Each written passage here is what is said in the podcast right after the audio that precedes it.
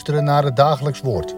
Dit is iedere maandag tot en met vrijdag om 10 uur, 3 uur en s'avonds om 7 uur. Deze meditatie wordt verzorgd door proponent van Rijn.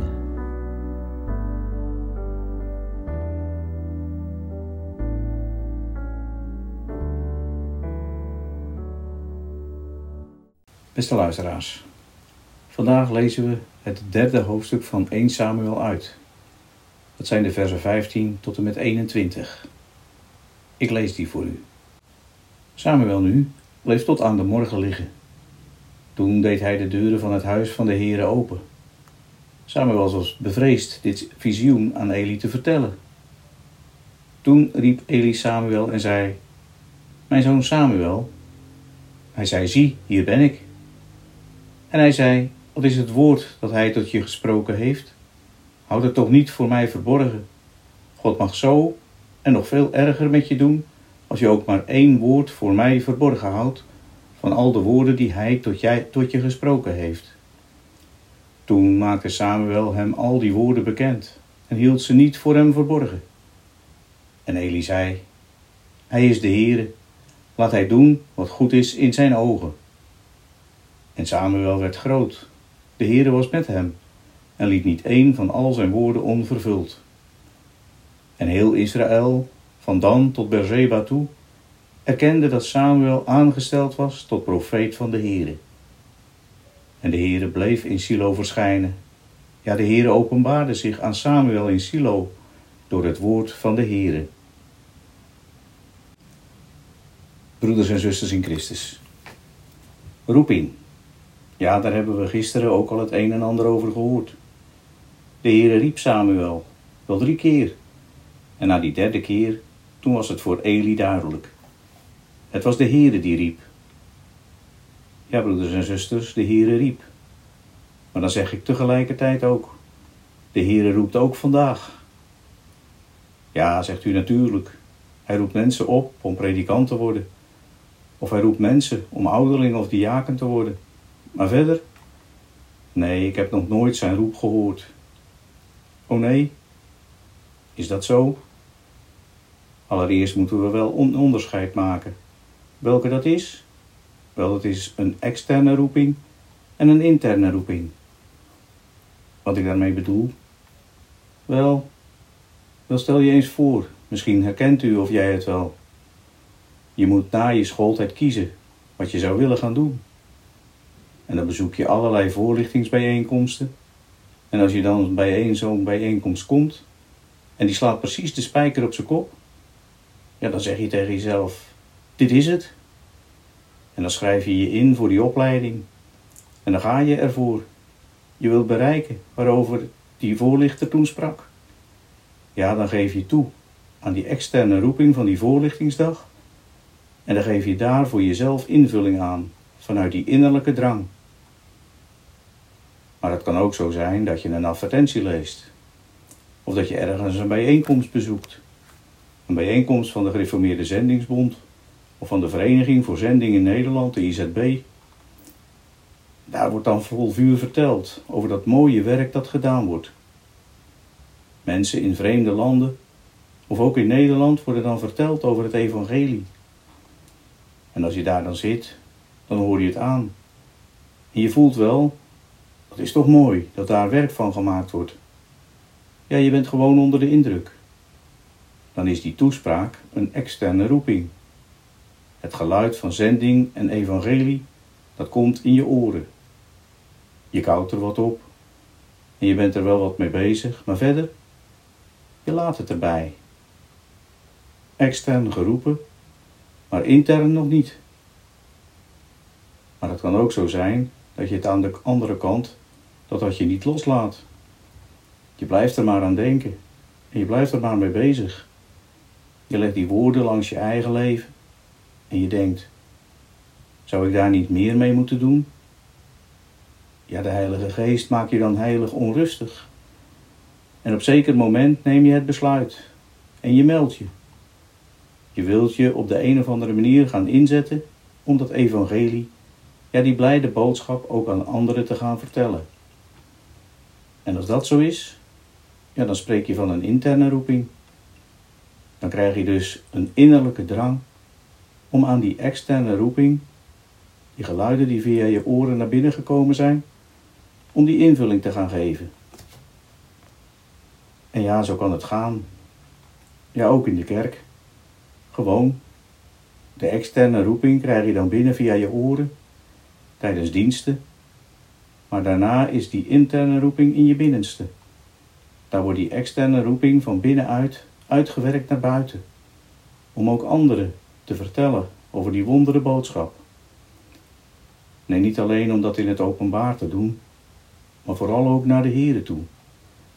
Vanuit de prediking naar de binnenkamer en daarna naar buiten.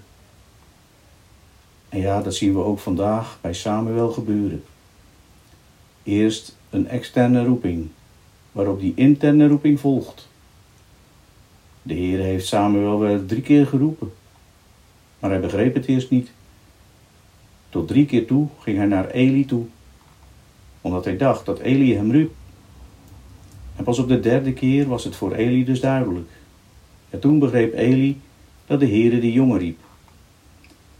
En als Samuel dan voor de vierde keer de roep hoort, ja, dan spreekt hij de woorden na die Eli hem heeft voorgehouden.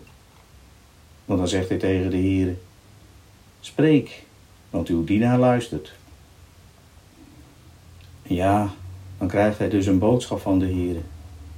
En dat is een boodschap waarvan geschreven staat dat ieder die het hoort, de beide oren zullen tuiten. Maar zover is het nog niet.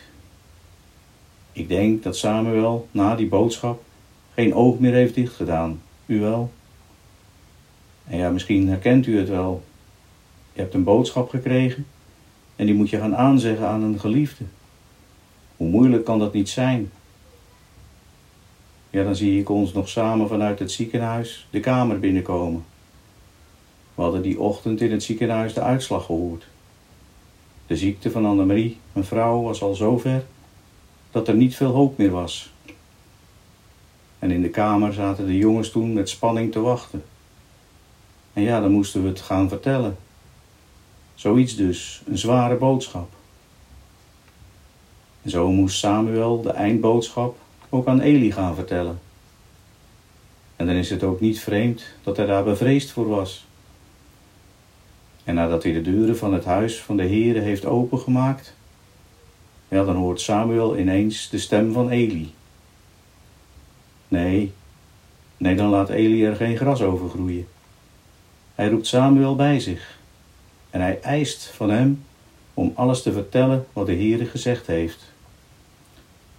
En ja, dan zeg ik bewust dat Eli eist om te horen wat de Heere gezegd heeft. Want dan zet hij zijn opdracht kracht bij en spreekt hij een eetformule uit. En Samuel weet ook wel dat als hij mijn eed zou plegen, dat daar dan volgens het Oude Testament heel strenge straffen op staan. En dus vertelt Samuel tegen Eli al die woorden die de Heere tot hem gesproken heeft.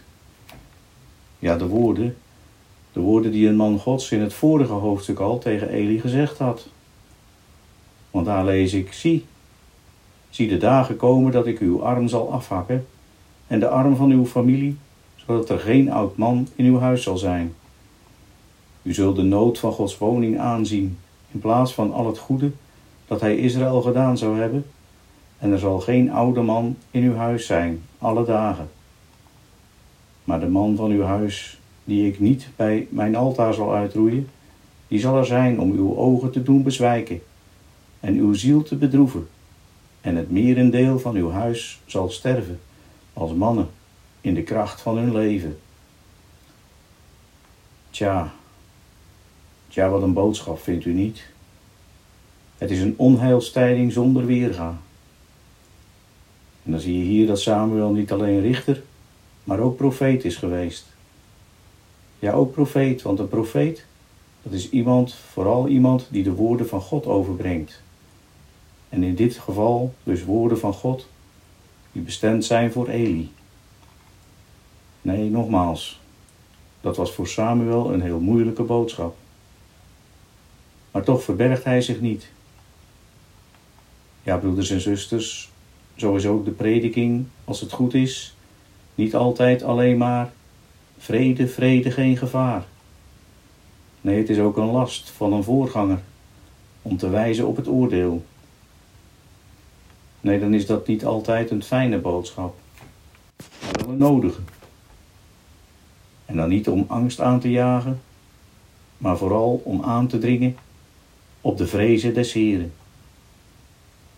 En dan is dat niet alleen respect en eerbied voor de Heren, ja, dat zeker ook, maar dan mogen we ook wel eens knikkende knieën hebben. Ja, als we het hebben over God en goddelijke zaken. Want ook dat, ook knikkende knieën, is een onderdeel van die vrezen des Heren. Maar hoe zou u, hoe zou jij reageren op zo'n boodschap? Ja, dan kan ik mij de vrees bij Samuel best wel voorstellen, u niet? Ik denk dat niet alleen hij, maar ook Eli knikkende knieën hebben gehad. Maar dan is de reactie van Eli toch ook wel heel opvallend. Nee, dan heft hij zijn vuist niet op naar de hemel, maar dan schikt hij zich onder het oordeel van de Heere. Ja, dan zegt hij, hij is de Heere, laat hij doen wat goed is in zijn ogen. Broeders en zusters, dat is wel genade, als we zo onze weg die we gaan zien. Ik ken u niet allemaal persoonlijk, maar voor velen van u is de gang door het leven lang niet altijd zoals gedacht, zoals verwacht en gewenst. Dan zitten die wegen ook vol met bochten, gaten en hobbels. En ook ik weet er alles van. Maar hoe gaan we dan daarmee om? Hef je je vuist naar de hemel? Of is daar een overgave in de hand van de Heere? Ja, zegt u het, laat hij doen wat goed is in zijn ogen. Broeders en zusters, wat wens en bid ik het u toe, dat u die overgave hebt. Nee, dat is geen doekje voor het bloeden, maar dat is geloofzekerheid.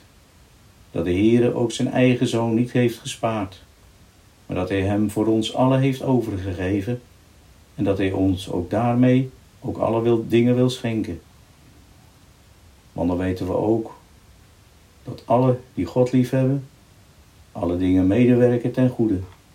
Ja, voor hen die overeenkomstig zijn voornemen geroepen zijn. Geroepen, extern en intern. Oftewel uitwendig en inwendig. En dan ben ik er ook met Eli van overtuigd dat het lijden van de tegenwoordige tijd niet opweegt tegen de heerlijkheid die aan ons geopenbaard zal worden. Ja, ik weet wel, dat is nieuwtestamentische taal. Maar toch ben ik ervan overtuigd dat dit ook voor Eli zijn waarde heeft gehad. En dan eindigt de geschiedenis vandaag met de bevestiging van de interne roeping van Samuel. Dan lees ik, hij werd groot. Nee, niet alleen lichamelijk en in volwassen worden, maar vooral ook in de dienst van God. Ja, vanaf het noorden in Dan tot aan het zuiden in Berseba is het bekend dat Samuel een profeet van de Heere is. En dat heeft de Heere ook bevestigd door zich aan hem te openbaren. Ja, in Silo. Silo, die naam betekent vredebrenger. Het woord van de Heere openbaart zich in Silo. En zo openbaart zich het, het woord ook vandaag, ja hier en nu. En dan verkondig het ik u, niet alleen Samuel vanuit Silo, dan verkondig ik u ook niet alleen Samuel vanuit Silo, maar daarbij ook de Silo, de vredeaanbrenger of de vredevorst, zoals de naam van Christus klinkt vanuit Jesaja 9. Kent u, ken jij hem al? Amen. We zullen de Heere danken. Ja, Heere, ook vandaag hebt u ons weer geroepen. Iedere keer als uw woord opengaat en klinkt, dan is daar uw roep. Iedere keer als we op zondag ook de kerkklokken horen, is dat een roep van u om op te gaan. Maar zijn we dan verblijd om op te gaan? Ja, heren, bij ons vandaan komt het nooit. Maar u laat niet na ons keer op keer te roepen. Trouwe Vader, dat danken we uw naam, dat het toch iedere keer weer gebeurt.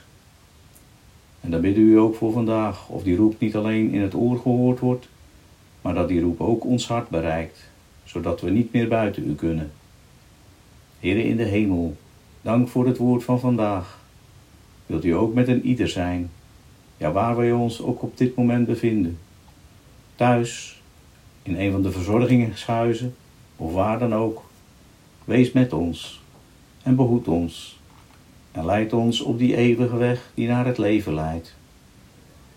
Ja, vergeef ons onze schulden en leid ons niet in verzoeking, maar verlos ons van de boze, want van u is het koninkrijk, de kracht en de heerlijkheid, tot in eeuwigheid. Amen.